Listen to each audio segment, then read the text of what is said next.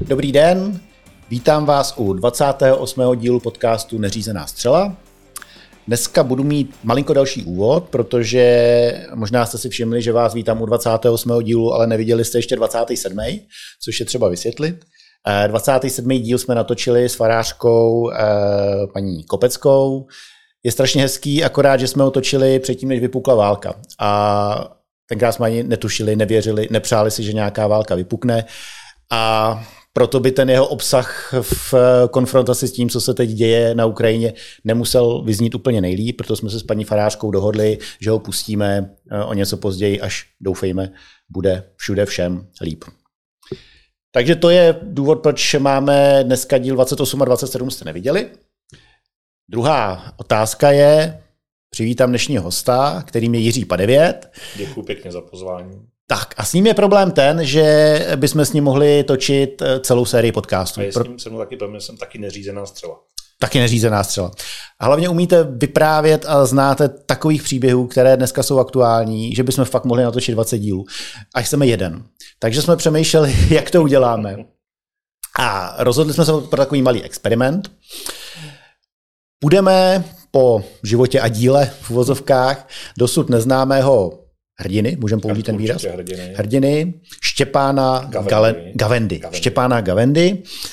Eh, ten příběh se bude odehrávat v průběhu druhé světové války a krátce po ní. A já do toho občas padnu nějakou, řekněme, obecnější nebo aktuálnější otázkou. Já bych skoro řekl, že to vpadnu i já občas s něčím obecnějším. Super. Takže chystáme se tady mm, uvařit takový gulášek. A doufáme... Z poloviny českého 20. století. Doufáme, že bude uh, konzumovatelný. Tak zase připomenu, že eh, od minulého dílu, který jste ještě neviděli, eh, jsme tentokrát už i na aplikaci Hero Hero. Jsme tam proto, že si chceme vybudovat s vámi nějakou komunitu, abyste se mohli ptát, dávat otázky. A s tím souvisí to, že každý díl teď má určitý bonusový, eh, bonusovou nadstavbu, která jde jenom na Hero Hero a ta je složená právě z otázek, které posíláte. Ty tu mám připravený na závěr taky. Všechno, co si tu budeme povídat, uvidíte jako vždycky na YouTube, na Spotify, ale ty nastavové otázky uvidíte jenom na Hero Hero. Jestli je chcete vidět, přihlašte se tam.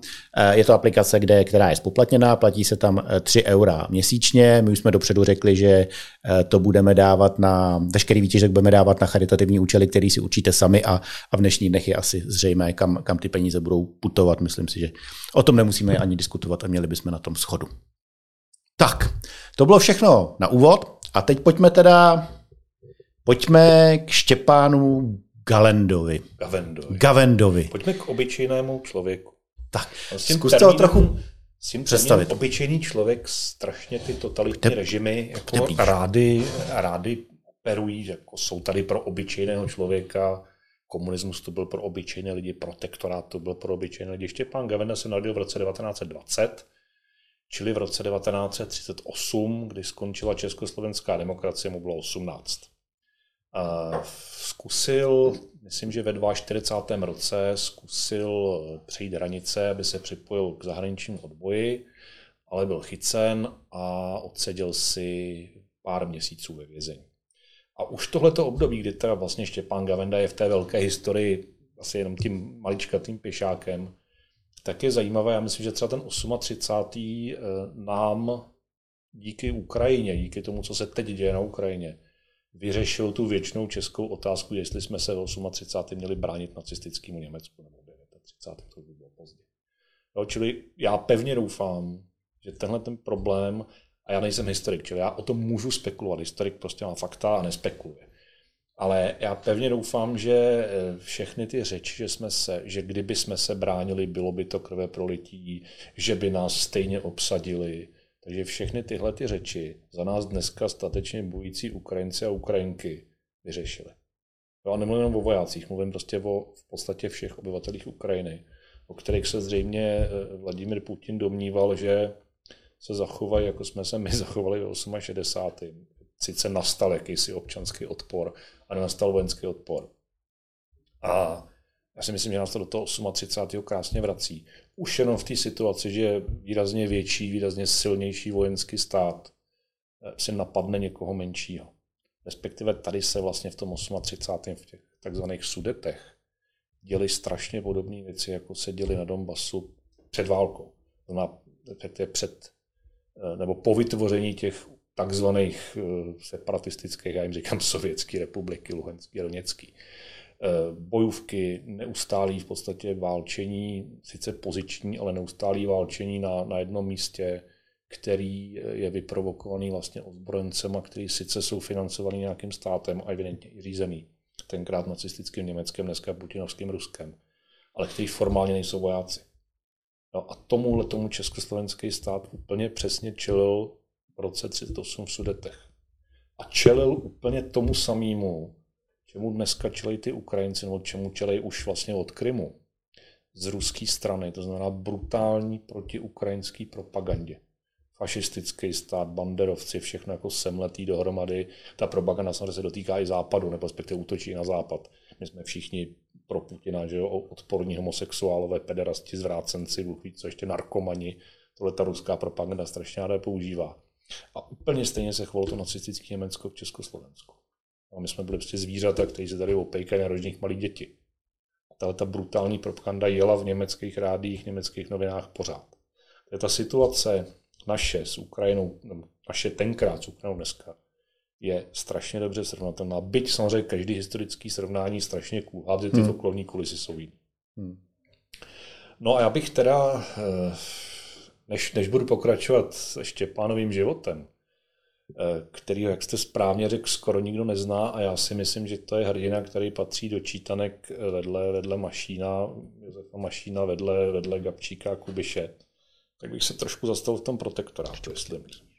No. A ten protektorát je totiž, totiž období, já jsem zrovna včera byl tázán, že jsem někde řekl, že si myslím, že 50. léta byla pro nás horší než protektorát.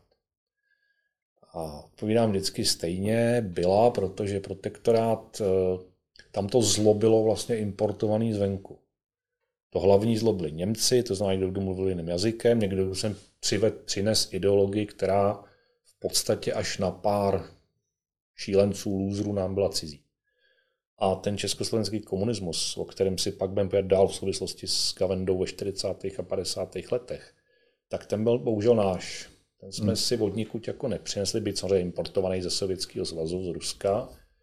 A ono se jako lépe asi čelí gestapu, které je jinojazyčné, kde jsou prostě cizí lidi, než státní bezpečnosti, kde vás jako v té služebně může mlátit chlap, s kterým jste chodil na základní školu, nebo ještě před týdnem třeba seděl v hospodě.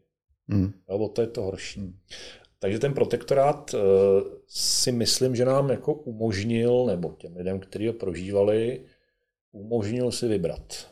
Buď to kolaborovat, nebo se dát do odboje, anebo to nějakým způsobem jako takhle s tím vyhrnutým límcem a s tím naraženým kloboukem přečkat.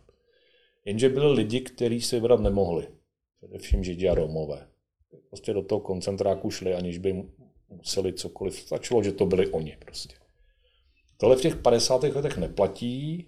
V 50. letech, eh, nebo vůbec teda po únoru 48, nezačalo až v 50. letech, tak eh, si nemohl vybrat nikdo podstatě kdokoliv mohl být, jako kdo byl veleben, tak ve středu, tak ve čtvrtek už mohl být nepřítelem a mohl skončit na popravišti. Začalo to likvidací politické opozice, začalo bizarně samozřejmě sociální demokracie šla jako první, přestože to byli taky levičáci. Tady se ukazuje, že československý komunismus vlastně nikdy nebyl levice, co se ujal moci, ale byla tak asi podivná oligarchická vláda psychopatů. Až po politické protivníky, Ismila Horáková, kterou snad všichni znají už dneska, a po likvidaci celých společenských skupin, jako byly primárně teda zemědělci, sedláci, takzvaní kulaci, no, který ten komunistický režim likvidoval úplně totálně. A zpátky do protektorátu a jsme zase teda u Gavendy. Eh, Gavenda se po tom pokusu a po tom, co si to odseděl, pokusu o útěk z protektorátu, tak se v roce 1944 přidal k partizánské skupině na Zlínsku, odkud pocházel a v, někdy v prosinci 44 byl těžce raněný do nohy, takže zbytek války strávil mimo ty boje a po válce se přestěhoval na Chomutovsko, to znamená se do těch sudet, které už tady několikrát padly, a což je velmi netypický na tu dobu, začal žít s Němkou. No, a to je vlastně e, strašně netypický v tu dobu. Těch lidí, kteří byli ochotní vůbec jako uznat, že Němci jsou lidi, bylo ve společnosti na prostý minimum. Tu, tu protiněmeckou nenávist po válce vlastně, pros, vlastně jako lidsky pochopitelnou. No, někdo vás tady 6 let jako opravdu terorizoval a kdykoliv jste mohli skončit na popravišti, ten, kdo se jim postavil samozřejmě, tak eh, a pár lidí dokázalo říct tomu davu, ne, jako všichni Němci nejsou stejně, nebo jako nezabíjejte všechny. Jinak samozřejmě vrcholná politická garnitura ve vš- ze všech stran politických, včetně prezidenta Beneše, intelektuálové, spisovatelé, všichni ve svých projevech říkali v podstatě dobrý Němec, mrtvý Němec. A do toho ještě pan Gavenda jako začne chodit s Němkou a na těch hranicích začal chodit přes hranice. Převádět Němce, kteří chtěli pryč, převádět Němce, kteří chtěli zpátky se vrátit do chalupy pro hodiny s kukačkou nebo prostě pro nějaký majetek. A samozřejmě taky pašovat. To pašování bylo jako v podstatě tenkrát nelegitimní, ale asi velmi, velmi slušný, slušný zdroj obživy. A v tomhle ovzduší těch odsunů on žije s tou Němkou a v 48. s ní má dítě. Narodí se, narodí se mu syn. A tohle je vlastně začátek toho eh, Gavendy jako profesionálního převaděče, jako terminologií komunistů, ale vůbec policejní terminologii agenta chodce, čili muže, který se vydává přes státní hranici tam a zpátky a přenáší spravodajské informace a přenáší samozřejmě zbraně třeba, jako většinou jenom na svoji obranu, ale má většinou falešní dokumenty a těchto těch agentů chodců se po únoru 48 vydalo obrovské množství, spousta chlapů, prostě většinou chlapů, kteří se zapojili do druhého odboje, tak se chtěli zapojit do odboje proti komunistům. A teď nevím, jestli bychom se ještě trochu měli vrátit do toho protektorátu. Do toho protektorátu bych se vrátil ještě kvůli, eh, kvůli jedné rodině, ani ne osoby, ale kvůli jedné rodině, která nás taky vlastně provází skoro celým 20. stoletím, v podstatě do 21. A to je rodina generála Mašína. Já jsem tady řekl, že, eh, že komunisti zlikvidovali selský stav. Totálně do dneška to na té vesnici je vidět. Byť se spousta malých zemědělců snaží tomu stavu jako vrátit nějakou kulturu. A Josef Mašín, generál Mašín, eh, pocházel ze selského rodu z Lošan. Ale díky událostem první stojí války se stal profesionálním vojákem, velmi se vyznamenal v československých legích, kde bojoval jako nesmírně statečně, čili absolvoval už i ten první odboj, to znamená podílel se na vzniku československého státu. V armádě strávil celou první republiku a bavili jsme se tady o té obraně, tak on byl jeden z mála důstojníků, který ještě v březnu 1939, to znamená už po zabrání Sudet, se chtěli bránit. A zde nejsme úplně daleko od ruzinských kasáren, on tam sloužil. A když teda se dozvěděl, že Wehrmacht překročil ten zbytek, zbytek československých hranic, českomoravských už v tu chvíli, tak chtěl kasárna bránit, chtěl vyhodit plukovní sklad do vzduchu.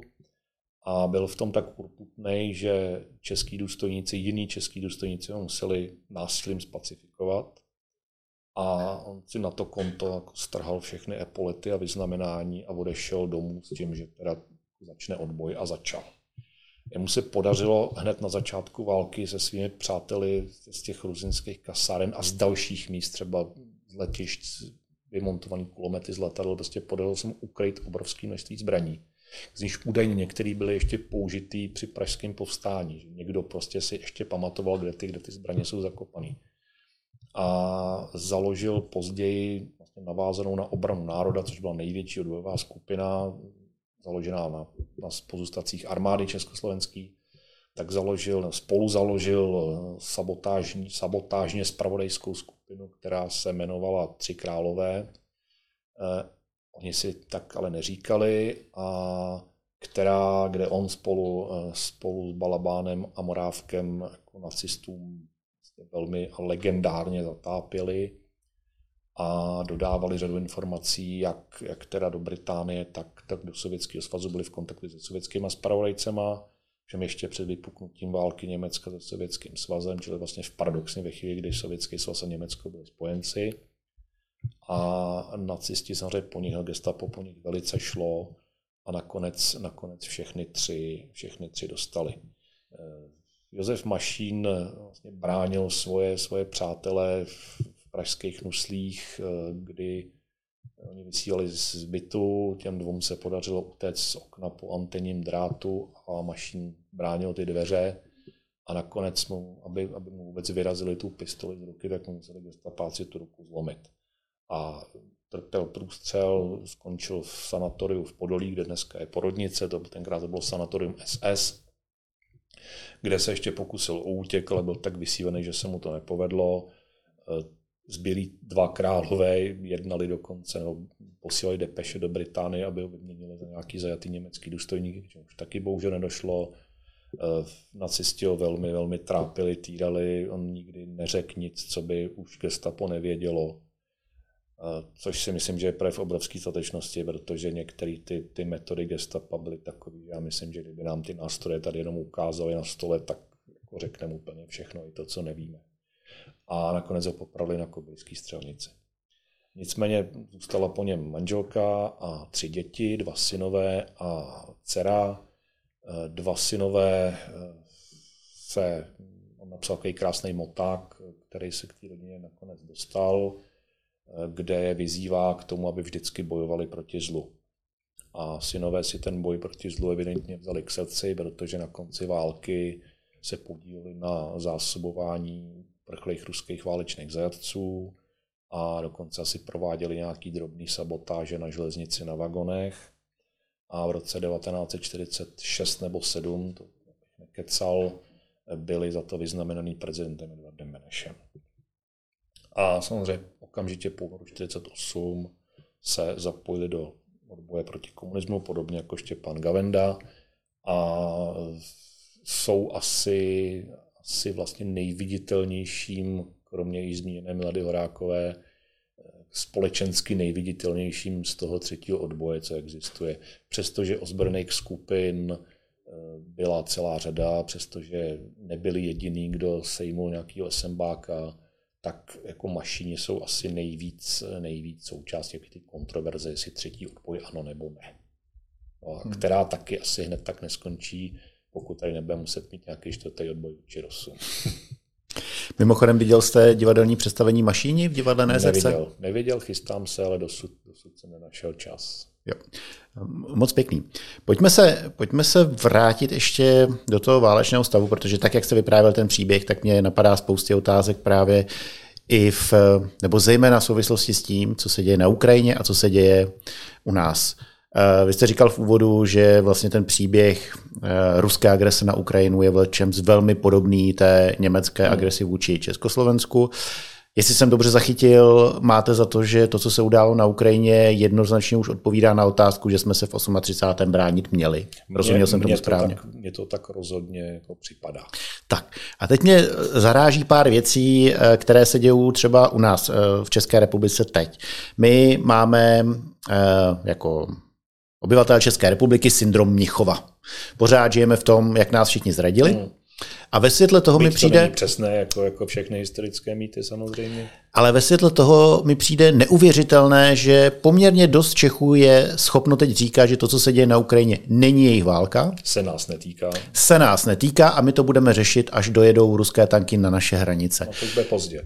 Jak dokážete si vysvětlit, když tu žijeme desetiletí v tom, že jsme byli zrazeni, že teď jsme vlastně, nebo někteří lidé jsou připraveni ze stejně podobným zdůvodněním zradit znova někoho jiného?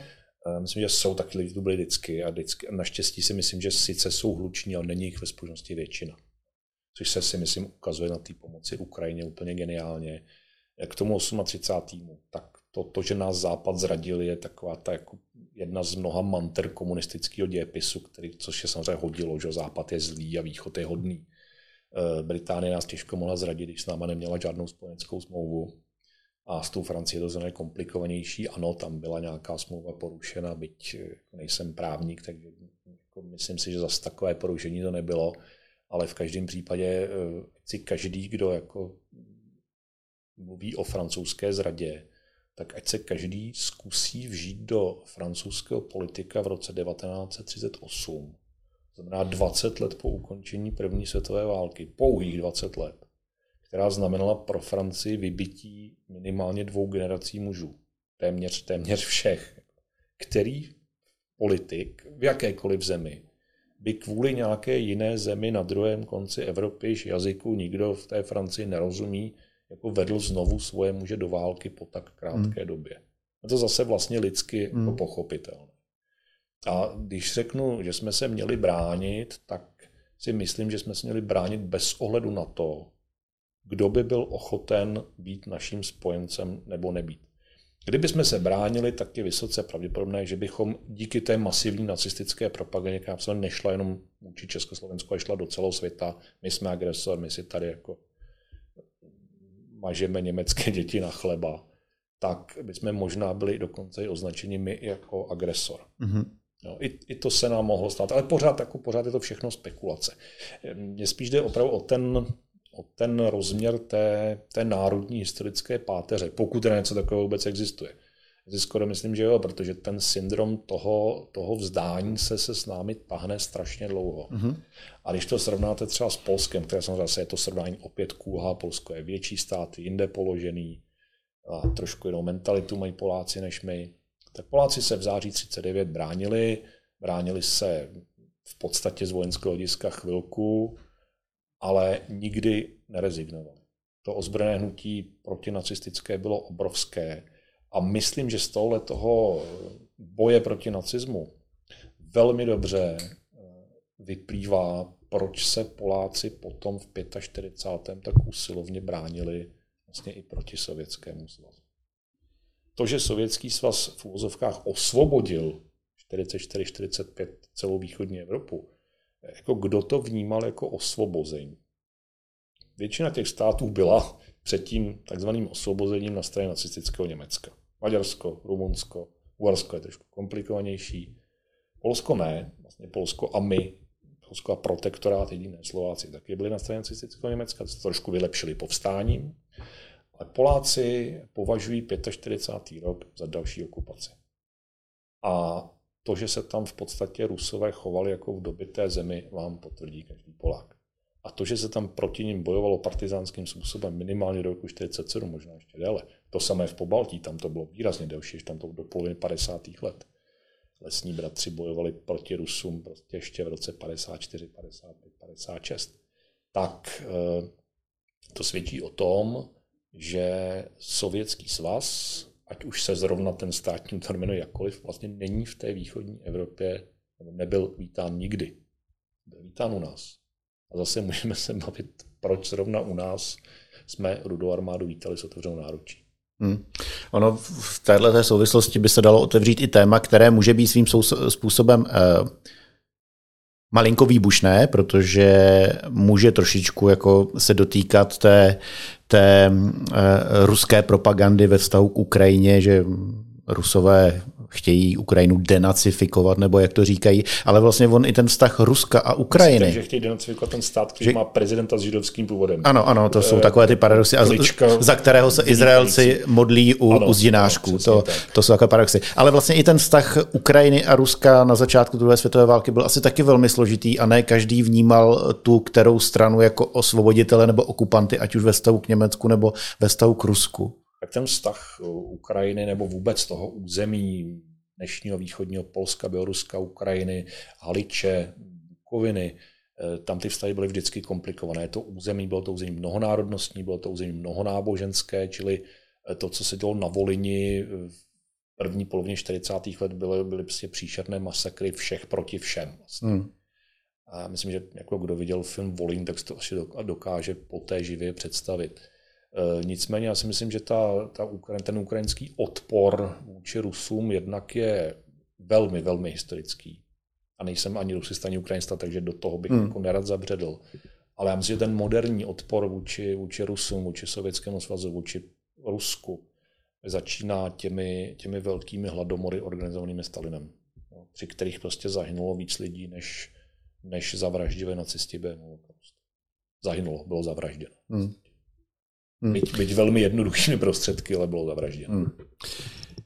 Ještě uh, mě tam napadá vlastně jedna paralela mezi um, situací v Československu 38 a současnou Ukrajinou. Uh, kdyby jsme se bránili, Možná bychom si o tu pomoc západního světa řekli, protože když se podíváme na ten začátek eh, napadení Ukrajiny, ta reakce zbytku světa Evropy na začátku, první, druhý den byla taky taková trošku chladná a myslím si, že až teprve jako opravdu odvážný odpor odvážný odpor Ukrajinců donutil Evropu a zbytek světa pomáhat mnohem víc. Vidíte to taky tak? to podobně, samozřejmě bychom se asi, zase spekulujeme, neubránili bychom se. Jako nevíme, co by udělali Slováci, nevíme, co by udělali hmm. němečtí vojáci v českých uniformách, maďarští vojáci v českých uniformách. Bylo by to velmi komplikované. Oni samotné české země jako nejsou k té obraně, obzvlášť na jihu, jako moc, moc, nebo na jeho východě moc uspůsobeny. A ta země malá. Hmm. Ale myslím, že opravdu, že by to i ve světle těch případných obětí, že by to pro morální kvality českého národa stálo za to. Hmm. Hmm. Pojďme eh, dál během druhé světové války. Teď eh, otevřu možná jedno téma, které je takové citlivé, ale, ale zkusme to se. asi po třetí, co otvíráte. Možná já... naše dějiny 20. století jsou celé takové no, citlivé. No, ale já přikládám, jo. Teď to, jo. Bude, teď to bude ještě víc. Jo. Jen do toho. Jde mi o atentát na říšského protektora. Hmm. Uh, protože Většinou ho vnímáme jako něco spravedlivého, ale třeba před vypuknutím války na Ukrajině se našli i lidi, kteří um, byli ochotní tvrdit, že, že to vlastně byla... Nemělo cenu nemělo cenu a že to třeba i z hlediska morálního byla nějaká hmm. vražda a tahle ta diskuze okolo toho a já se dostávám na tu otázku a teď budu přikládat, jak opodstatněné je zbavit života nějakého vrchního velitele agresora ve vztahu třeba k aktuální diskuzi nad tím, když eh, včera, dneska je, točíme to devátého, včera byl Mezinárodní den žen a na Twitteru se objevily přání, že mm, eh, přejeme ženám k jejímu svátku smrt ruského prezidenta Putina. A rozpoutala se diskuze o tom, nakolik vlastně tohleto je mravní nebo morální. Hmm. A já to trošku srovnávám s tou diskuzí o tom eh, Heidrichovi. Hmm. A dokázal byste formulovat vlastně, jak to vidíte vy, a teď to nemyslím z hlediska trestání. Hmm. Už, jsme, už jsme v době, kdy víme, že neuznáváme trest smrti a pokud by válka byla ukončená, tak všichni si budeme přát, ať eh, ruský prezident soudí, eh, soudí ho Mezinárodní dvůr. Ale jsme ve fázi, kdy válka není ukončena a kdyby třeba dost pravděpodobně jeho smrt mohla přispět k tomu, aby neumírali další lidé. Nakolik je obhajitelné a mravní přát jinému smrt, eh, pokud si tím chceme, pokud si tím vlastně přejeme záchranu dalších životů, nebo pokud věříme, že jeho smrt zastaví umírání dalších. Jsme, jsme vychováni v té evropské tradici nebo euroatlantické, že smrt nemáme přát nikomu. Nicméně zase 20. století nás hodně utvrzuje v tom, že sem tam si tu smrt někdo zasloužil, abychom zabránili smrti jiných. Eh, ten útok na Heidricha, já se vždycky ošiju při tom slově atentát, které jsem řekl jako technik, technicky je správné. Mm-hmm. Atentát je ozbrojený útok na vysoce postavenou osobu, což Heidrich byl, ale eh, já si myslím, že operace Anthropoid je hvězdnou hodinou českých moderních dějin, takže radši používám slovo útok. Mně se k tomu ten atentát prostě jako moc nehodí, byť pokud někdo používá, je to, je to jeho věc. Eh, vyložen jsem alergický, když někdo, a občas to by i v médiích, někdo řekne, spáchali atentát. Hmm. To, to už jako evokuje zločin. Hmm. A možná tam je podtext toho, toho o čem jste toho sporu. Toho sporu. Eh, já si skoro myslím, že dneska už, přestože, si, přestože česká společnost podle mě se lépe směřuje s mučedníky než s bojovníky, takže zrovna tyhle ty dva bojovníky, Kapčíka a Kubiše, už jako vzala na milost, že to mm-hmm. teda jsou hrdinové. Eh, myslím, že nám pořád jako trošku unikají, unikají u toho útoku dvě podstatné věci. Za prvé, Heidrich nebyl pouze zastupujícím říšským protektorem v protektorátu Čechy a Morava, ale byl především vysokým důstojníkem SS a jedním z architektů holokaustu evropských židů. Jedním z vrahů od stolu, kteří prostě zabíjeli denně podpisem, škrtnutím pera tisíce lidí. Za tohle si myslím, že ta smrt je zcela na místě. I kdyby nechal Čechy úplně na pokoj. Hmm. A za druhé, zapomínáme, že útok na Heidricha sice provedli v tu konkrétní chvíli dva muži, kteří k tomu dostali vojenský rozkaz, čili už proto třeba to není atentát, je to prostě vojenská operace, jak by řekl Vladimir Putin, speciální vojenská operace. A ovšem, kdyby nebylo českých vlastenců, a já s tím slovem vlastenec jako velmi, velmi šetřím, tak by k tomu útoku nikdy nemohlo dojít. Oni sami, byť třeba s podporou hrstky lidí, by to nikdy nezvládli. Do té přípravy útoku, do té pomoci parašutistům bylo zapojeno minimálně 400 lidí, z nich hrstka to přežila. Všichni do toho šli bez nároku na odměnu, všichni věděli, že si můžou vysloužit smrt nebo dlouhé vězení nebo mučení na gestapu. Všichni do toho šli a především po tom útoku, který se vypadalo to v první chvíli, se vlastně moc nepodařil, nakonec Heidrich umřel, tak protektora, nejdřív, nejdřív KH Frank a potom protektorátní vláda postupně vypsali dvě odměny. Dohromady to bylo 20 milionů protektorátních korun, což byly obrovské peníze. A nikdo z těch podporovatelů na to gestapo nešel. Samozřejmě byla k tomu deklarovaná i beztrestnost. Nikdo nezradil. Z těch všech úplně obyčejných lidí bez vojenského výcviku, bez psychologické přípravy, kteří prostě parašutisty schovávali, spravovali jim boty, zašívali jim košile, scháněli jim jídlo celou tu dobu, těch, těch téměř půl roku. Tak nikdo nezradil. A proto si myslím, že to je hvězdná hodina českého národa. Hmm. No. Až se teda objeví Karel Čorda, vycvičený voják pro speciální operace, a ten ten psychický tlak nevydrží a napíše první udání, a když to první udání čeští četníci stopí, tak jde rovnou na gestapo. Hmm. Jo, takže eh, pro mě je to hvězdná hodina jednak pro tu Heidrichovou smrt, která si myslím, že byla naprosto na místě. A žádnému jinému odboji v Evropě se nepodařilo takhle vysokého nácka sejmout. A jednak především proto, kolik v tom bylo, a zase se dostáváme k tomu sousloví obyčejný člověk, kolik v tom jelo obyčejných lidí, kteří do toho prostě šli. Hmm. A šli do toho dokonce i přesto, že i v rámci odboje se objevili lidé, kteří o tom věděli, kteří nezradili, ale kteří to rozmlouvali samotným mm-hmm. parašutistům.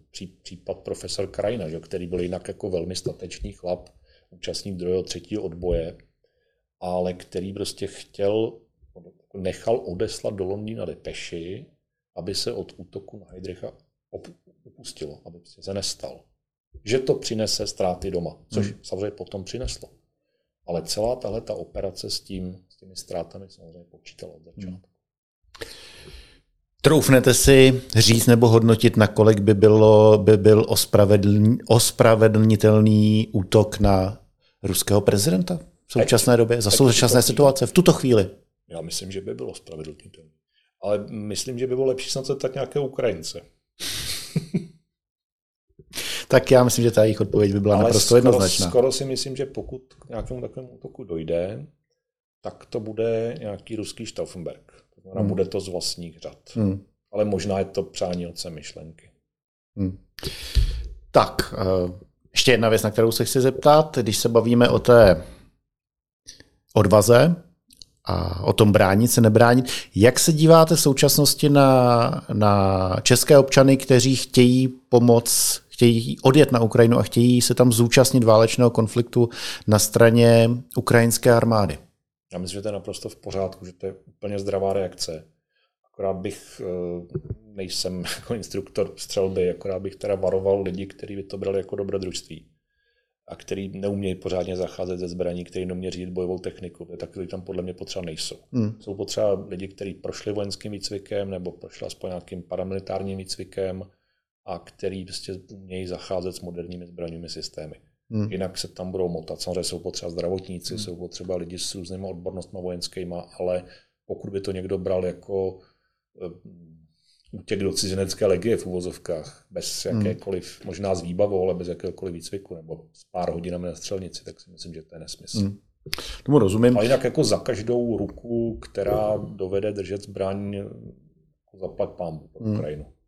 Mě právě nevím, jestli překvapilo a udělalo strašně dobře a, a vyvolalo ve mně hrdost, když mě kontaktovali právě buď to aktivní vojáci, hmm. kteří to mají samozřejmě mnohem těžší, nebo bývalí vojáci. Hmm. Ono někdy si z naší armády děláme legraci, že by rusové přijeli za tři dny, ale to, že... Možná bychom se divili. Možná bychom se divili, ale to, že prostě e, součástí české armády jsou lidé, kteří jsou ochotní jet do toho konfliktu, hmm. jet tam bojovat a jet bránit tu zem, že, že vlastně Teď žijeme v době, kdy naštěstí všichni chceme pomáhat a každý pomáhá tak, jak umíme. Mm. Zdravotník léčí, učitel učí uh, ukrajinské uprchlíky a ti vojáci chtěli dát to nejlepší ze sebe, chtěli jet pomoct váči, takže ve mně to zbudilo strašnou hrdost. Samozřejmě mluvil jsem i s lidma, tak jak říkáte, 17-letý, 18-letý, mm. který nevědí, do čeho jdou, nepomohli by tam, myslím si, že by ani nevodjeli. Není to počítačová hra prostě. Tak, ale, ale těch lidí, kteří to mysleli vážně, kteří měli výcvik, eh,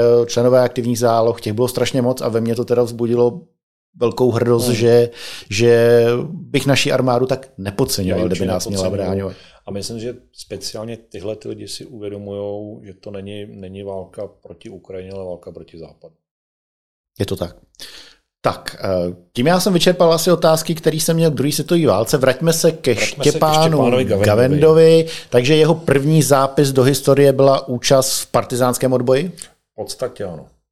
A, a ta skončila teda ta, tím? ta skončila tím, že byl někdy na konci roku 44 raněn do nohy, ale docela těžce a vlastně do konce války už, už se nepřipojil, nemohl bojovat prostě. Mm-hmm. A jak už jsem říkal, na konci války se přestěhoval na Chomutovsko, to znamená úplně na druhý konec republiky z toho Zlínska a začal žít s Němkou.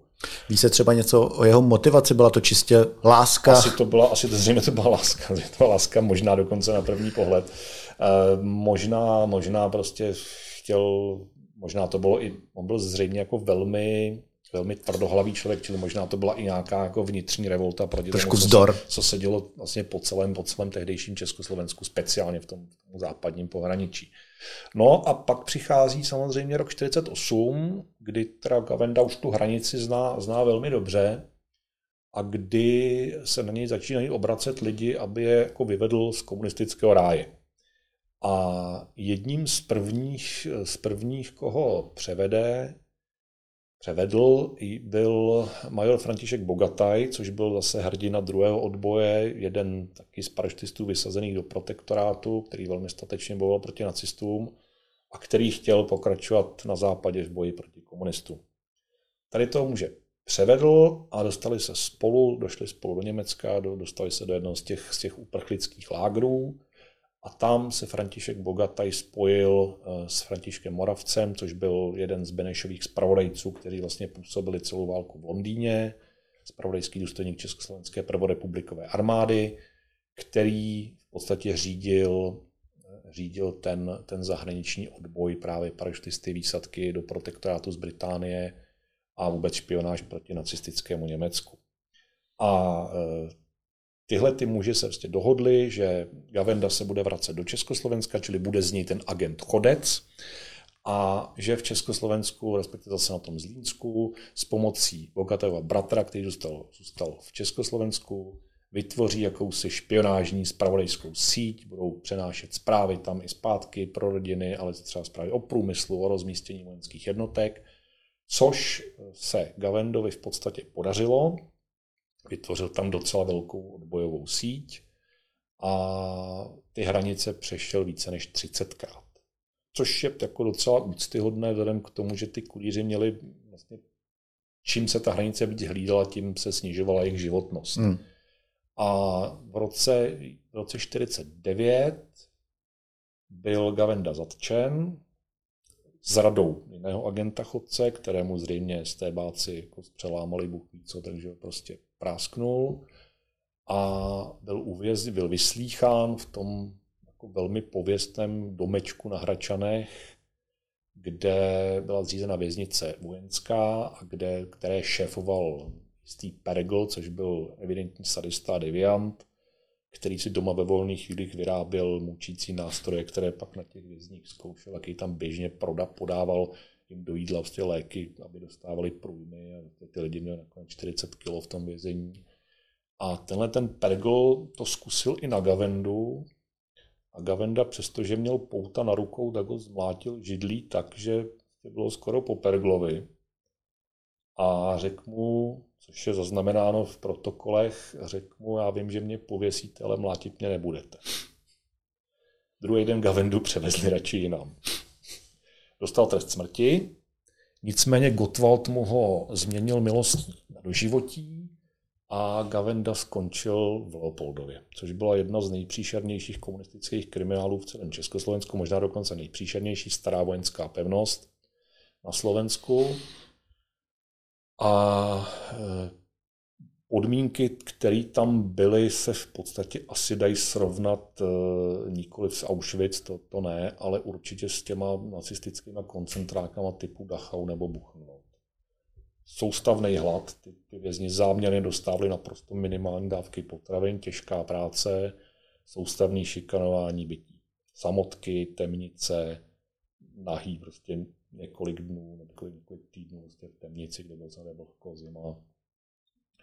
A i přesto se Gavendovi a dalším, včetně Pravomila Reichla, což je další můj, můj hrdina, který jehož závěr života vlastně popisuje český film Staříci, skvělý mimochodem, tak se jim podařilo z toho Leopoldova drhnout.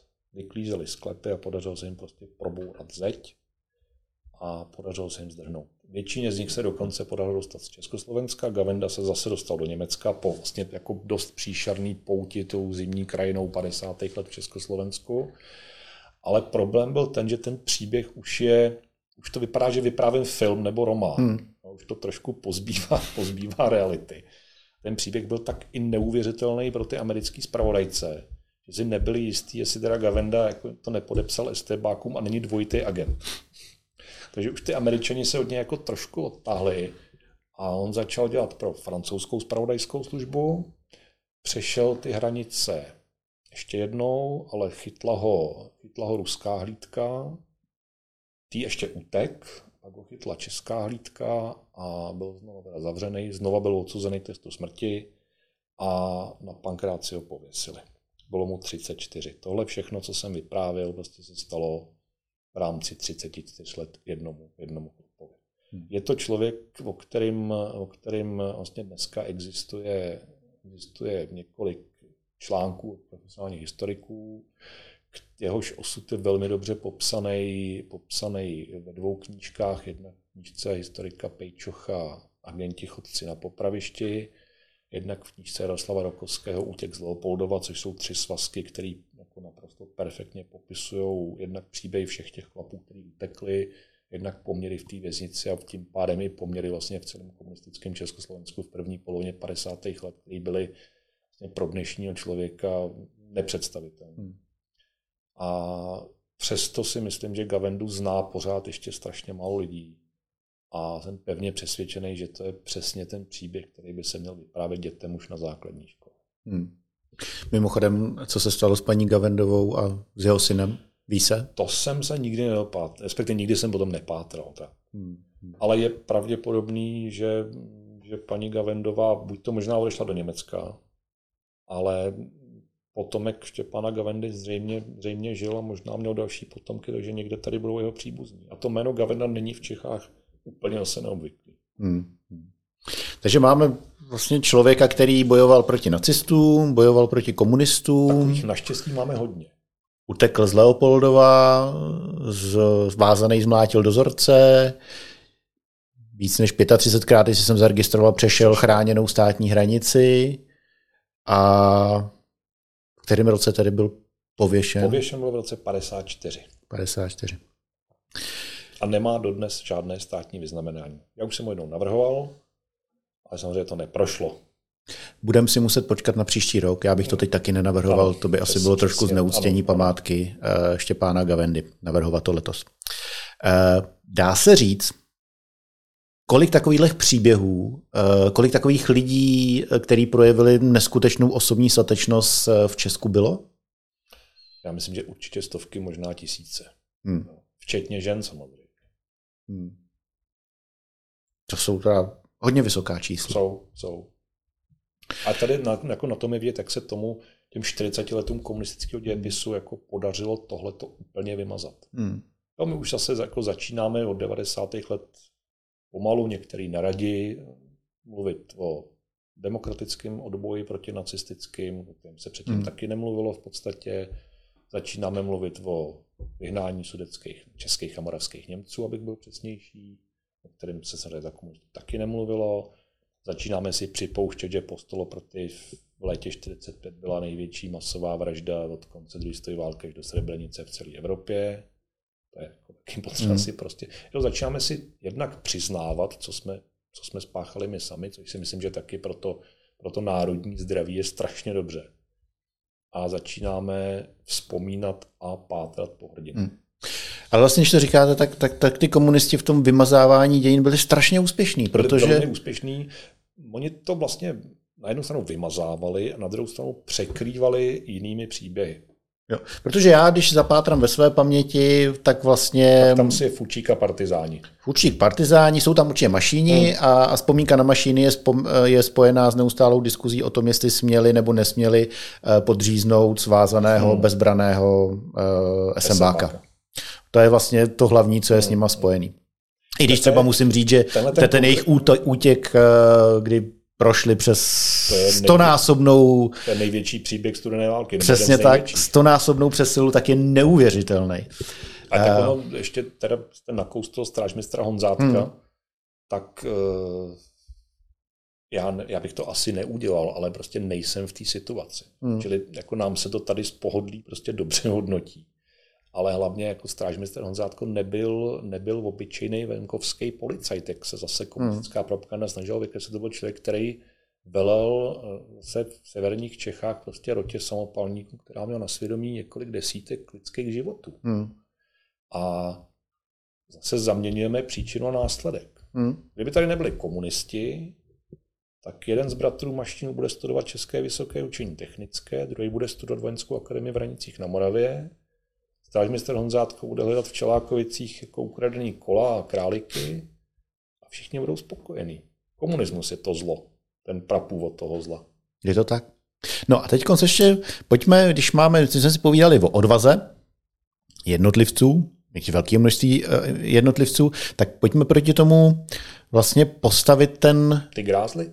Spíš ne teď ty jednotlivý grázly, ale vlastně ten DAF. Jo? Hmm. Jeden z nejhorších obrazů, které já mám z 50. let uh, ve očích, je nějaký dobový snímek, kde se setkali pionýři, stojí tam 16, 17 letý kluci, holky, mají ty šátky a skandují smrt Miladě Horákové. Hmm. To je pro mě jeden z nejhorších okamžiků, který mi jako opravdu dává nahlédnout do toho, jak neskutečně to, zmanipulovaná ta společnost jak byla. Je to jednoduchý. A jak, je, jak to asi muselo být jednoduché lidi, kteří Miladu Hrákovou asi nikdy neznali, hmm. mladý, veselý, krásný, byli schopní skandovat smrt Miladě Horákové. Jak je to vlastně s propagandou? Jaká byla propaganda v 50. letech? Jaké měla nástroje? Já jsem nedávno někde v nějakém rozhovoru říkal, že my jsme v podstatě tady v tom státě od roku 1938 do roku 1989 žili ve lži. A vždycky nám někdo jako tvrdí, my jsme, jako my jsme byli nucený, spíš naši, naši rodiče byli nucený prostě nám říkat, tady ti vyprávím příběh generála Mašína, ale ve škole o tom moc jako nemluv. On nebyl komunista. A čili my jsme vlastně, ten komunismus nás, nás naučil lhát. A ta propaganda komunistická, když se podíváte na noviny z 50. let, na filmy z 50. let, ona teda začala okamžitě po 8. květnu 45. To není, hmm. že by začala až v hmm. únoru 48. Ale to je totální zběsilost. A prostě čím, a je to, je to jako Goebbels hadr v podstatě. A čím budete jako lidem víc vršit, a zase, zase se vracím k Rusku současnému, ruská propaganda je zase úplně stejná. Čím víc lží budete vršit, tím méně se ty lidi v tom vyznají. A tím snáze aspoň části z těch lží uvěřej. Hmm. A jako známe fotky z protektorátu, kde je plný Václavák, plný staroměstský náměstí, plný náměstí v táboře lidí, kteří prostě tu pravici zvedli. Jsou to určitě ty samý lidi, kteří potom v květnu 45 bojovali na barikádách. Hmm. Prostě lidi jsou, jo, většina lidí je jako smíkána těmi okolnostmi a nemá odvahu se jim v tu chvíli postavit. A to teď neříkám jako výtku těm lidem. Hmm. Tak, tak to prostě je, my jsme tak nastavení. Ty lidi chtějí přežít. A chtějí přežít, za, vy chcete prostě do poslední chvíle za každou cenu přijít a uděláte kvůli tomu cokoliv. Hmm. si herce Karla Hegra, který chudák je prostě vyfocený jak ve 42. Národním divadle při jakémsi setkání, jakože Heidrich dobře a útok na něj špatně, propagandistickém samozřejmě a propagandisticky velmi využitém, tak ten samý pan Heger, skvělý herec, je vyfocen znovu při antichartě v tom samém Národním divadle. Bez pochyby nesmírně slušný člověk, který osobně nikdy nikomu neublížil, nikdy nikoho neudal, nikdy nikoho nepráskal, tak má tu smůlu, že se svým známým obličejem se odstne dvakrát za život v takovéhle mezní situaci a ani jednou neřekne, a tam prostě nejdu. Hmm. Ale a my můžeme všichni říkat jako fuj, on tam šel a my bychom tam určitě nešli. Jenže to my bychom tam určitě nešli. Se vždycky dozvíme, až dostaneme hmm. tu pozvánku. No. Tohleto, jako tohleto dělání ramen na ten, na ten dav je strašně svůdný. Já v tom davu jako nejsem, já jsem tehdy třeba ani nežil, já bych tam nešel. Co my víme? No, eh, já si myslím, že tahle diskuze o tom, jak se té propagandě dalo postavit nebo prohlídnout, nás možná ještě čeká v hmm. nejbližší době a myslím si, že nás čeká v souvislosti s příštím prezidentskými volbami, hmm. protože jeden z favoritů je generál Petr Pavel a on je klasickou ukázkou nebo příležitostí o tom diskutovat. Hmm. Bývalý voják Československé armády, vycvičený, aby bránil komunismus v vozovkách, vycvičený, aby bojoval, aby bojoval proti západu, eh, jak se jim stal, jaké bylo zázemí jeho rodiny, jaké na něj byly vlivy. A po roce 89, myslím to teď dobře, otočil a vlastně se dal na tu druhou stranu. A myslím si, že bude velká diskuze o tom, jestli to, co dělal před rokem 89, jestli za to mohl, hmm. nemohl, jestli za to má platit nějakou daň, jestli ho to diskvalifikuje z prezidentské volby. Dokázal byste vy nějak odpovědět na otázku, ať ji co nejvíce stručním, jestli to, co se mu, to, co dělal před rokem 89, to diskvalifikuje z toho ucházet se o prezidentský úřad? Já myslím, že nediskvalifikuje. Já si myslím, že generál takhle. Komunistická strana Československa byla zločinecká organizace. To jako máme v podstatě i v zákoně, víme to. A on byl jim členem. Nicméně jako spousta lidí byla členem strany, aniž by cokoliv špatného dělali. On byl profesionální voják. Já si myslím, že on patří mezi ty lidi, pro mě třeba mezi ně patří i Pavel Kohout, kteří si svoje angažma v KSČ odpracovali. Patří tam pro mě typicky i Petr Pidar třeba. Byť každý z nich byl v té straně v jiném období a reagoval na jiné historické souvislosti, ale prostě pro mě jsou, existují lidé, kteří si členství ve společenské organizaci později nějakým způsobem velmi těžce odpracoval. Hmm. Tak jo. Ale, ale jsem přesvědčen, že pro spoustu lidí to bude jako nepřekousnutelný problém. No, jde o to, jestli se bavíme o symbolu, jestli, jestli prostě pro ty lidi je to problém faktický, že to hmm. tomu člověku vyčítají, anebo jestli to berou z nějaké pozice, ehm, je to symbol, který už nechceme vidět. Eh, je to možné, je to možné tak i tak, hmm. ale já si myslím, že nakonec to může dopadnout tak, že se tihle lidé budou muset rozhodnout ve druhém kole, jestli budou volit bývalého člena KSČ, který byl později vysokým důstojníkem NATO, nebo bývalého člena KSČ, který byl konfidentem státní bezpečnosti a nikdy se k tomu nepostavil. Pak si myslím, že by ta volba měla být jednoznačná. Jasná, no. Je to docela hezký závěr.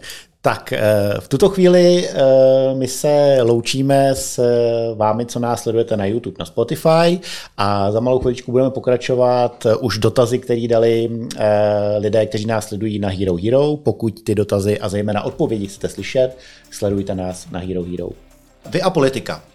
Vy jste zvažoval kandidaturu do Senátu a ustoupil jste v prospěch kandidatury paní Němcový. Ano, prosím. Tak, dotaz. Jestli toho náhodou nelitujete a jestli něco v rámci vašeho politického angažmá nechystáte? Dá se říct, k jakému konfliktu má situace na Ukrajině historicky nejblíže? Napovídá nám nějak historie, co bychom měli dělat, abychom Putina teď zastavili? Spousta učitelů v České republice má názor, že konflikt na Ukrajině není černobílý, že Ukrajinci Rusům dělali taky hodně špatných věcí, že Rusko bylo vyprovokované a podobně. A tohle pak říkají svým žákům, asi tedy osobní zkušenost, když je to učitel, a ptá se, jak na to reagovat. Jaký váš názor na ukrajinského prezidenta Zelenského? Asi nejvíc z pohledu té odvahy. Váš názor na současného našeho prezidenta a doplněný ještě k tomu, šel byste si k němu pro medaily?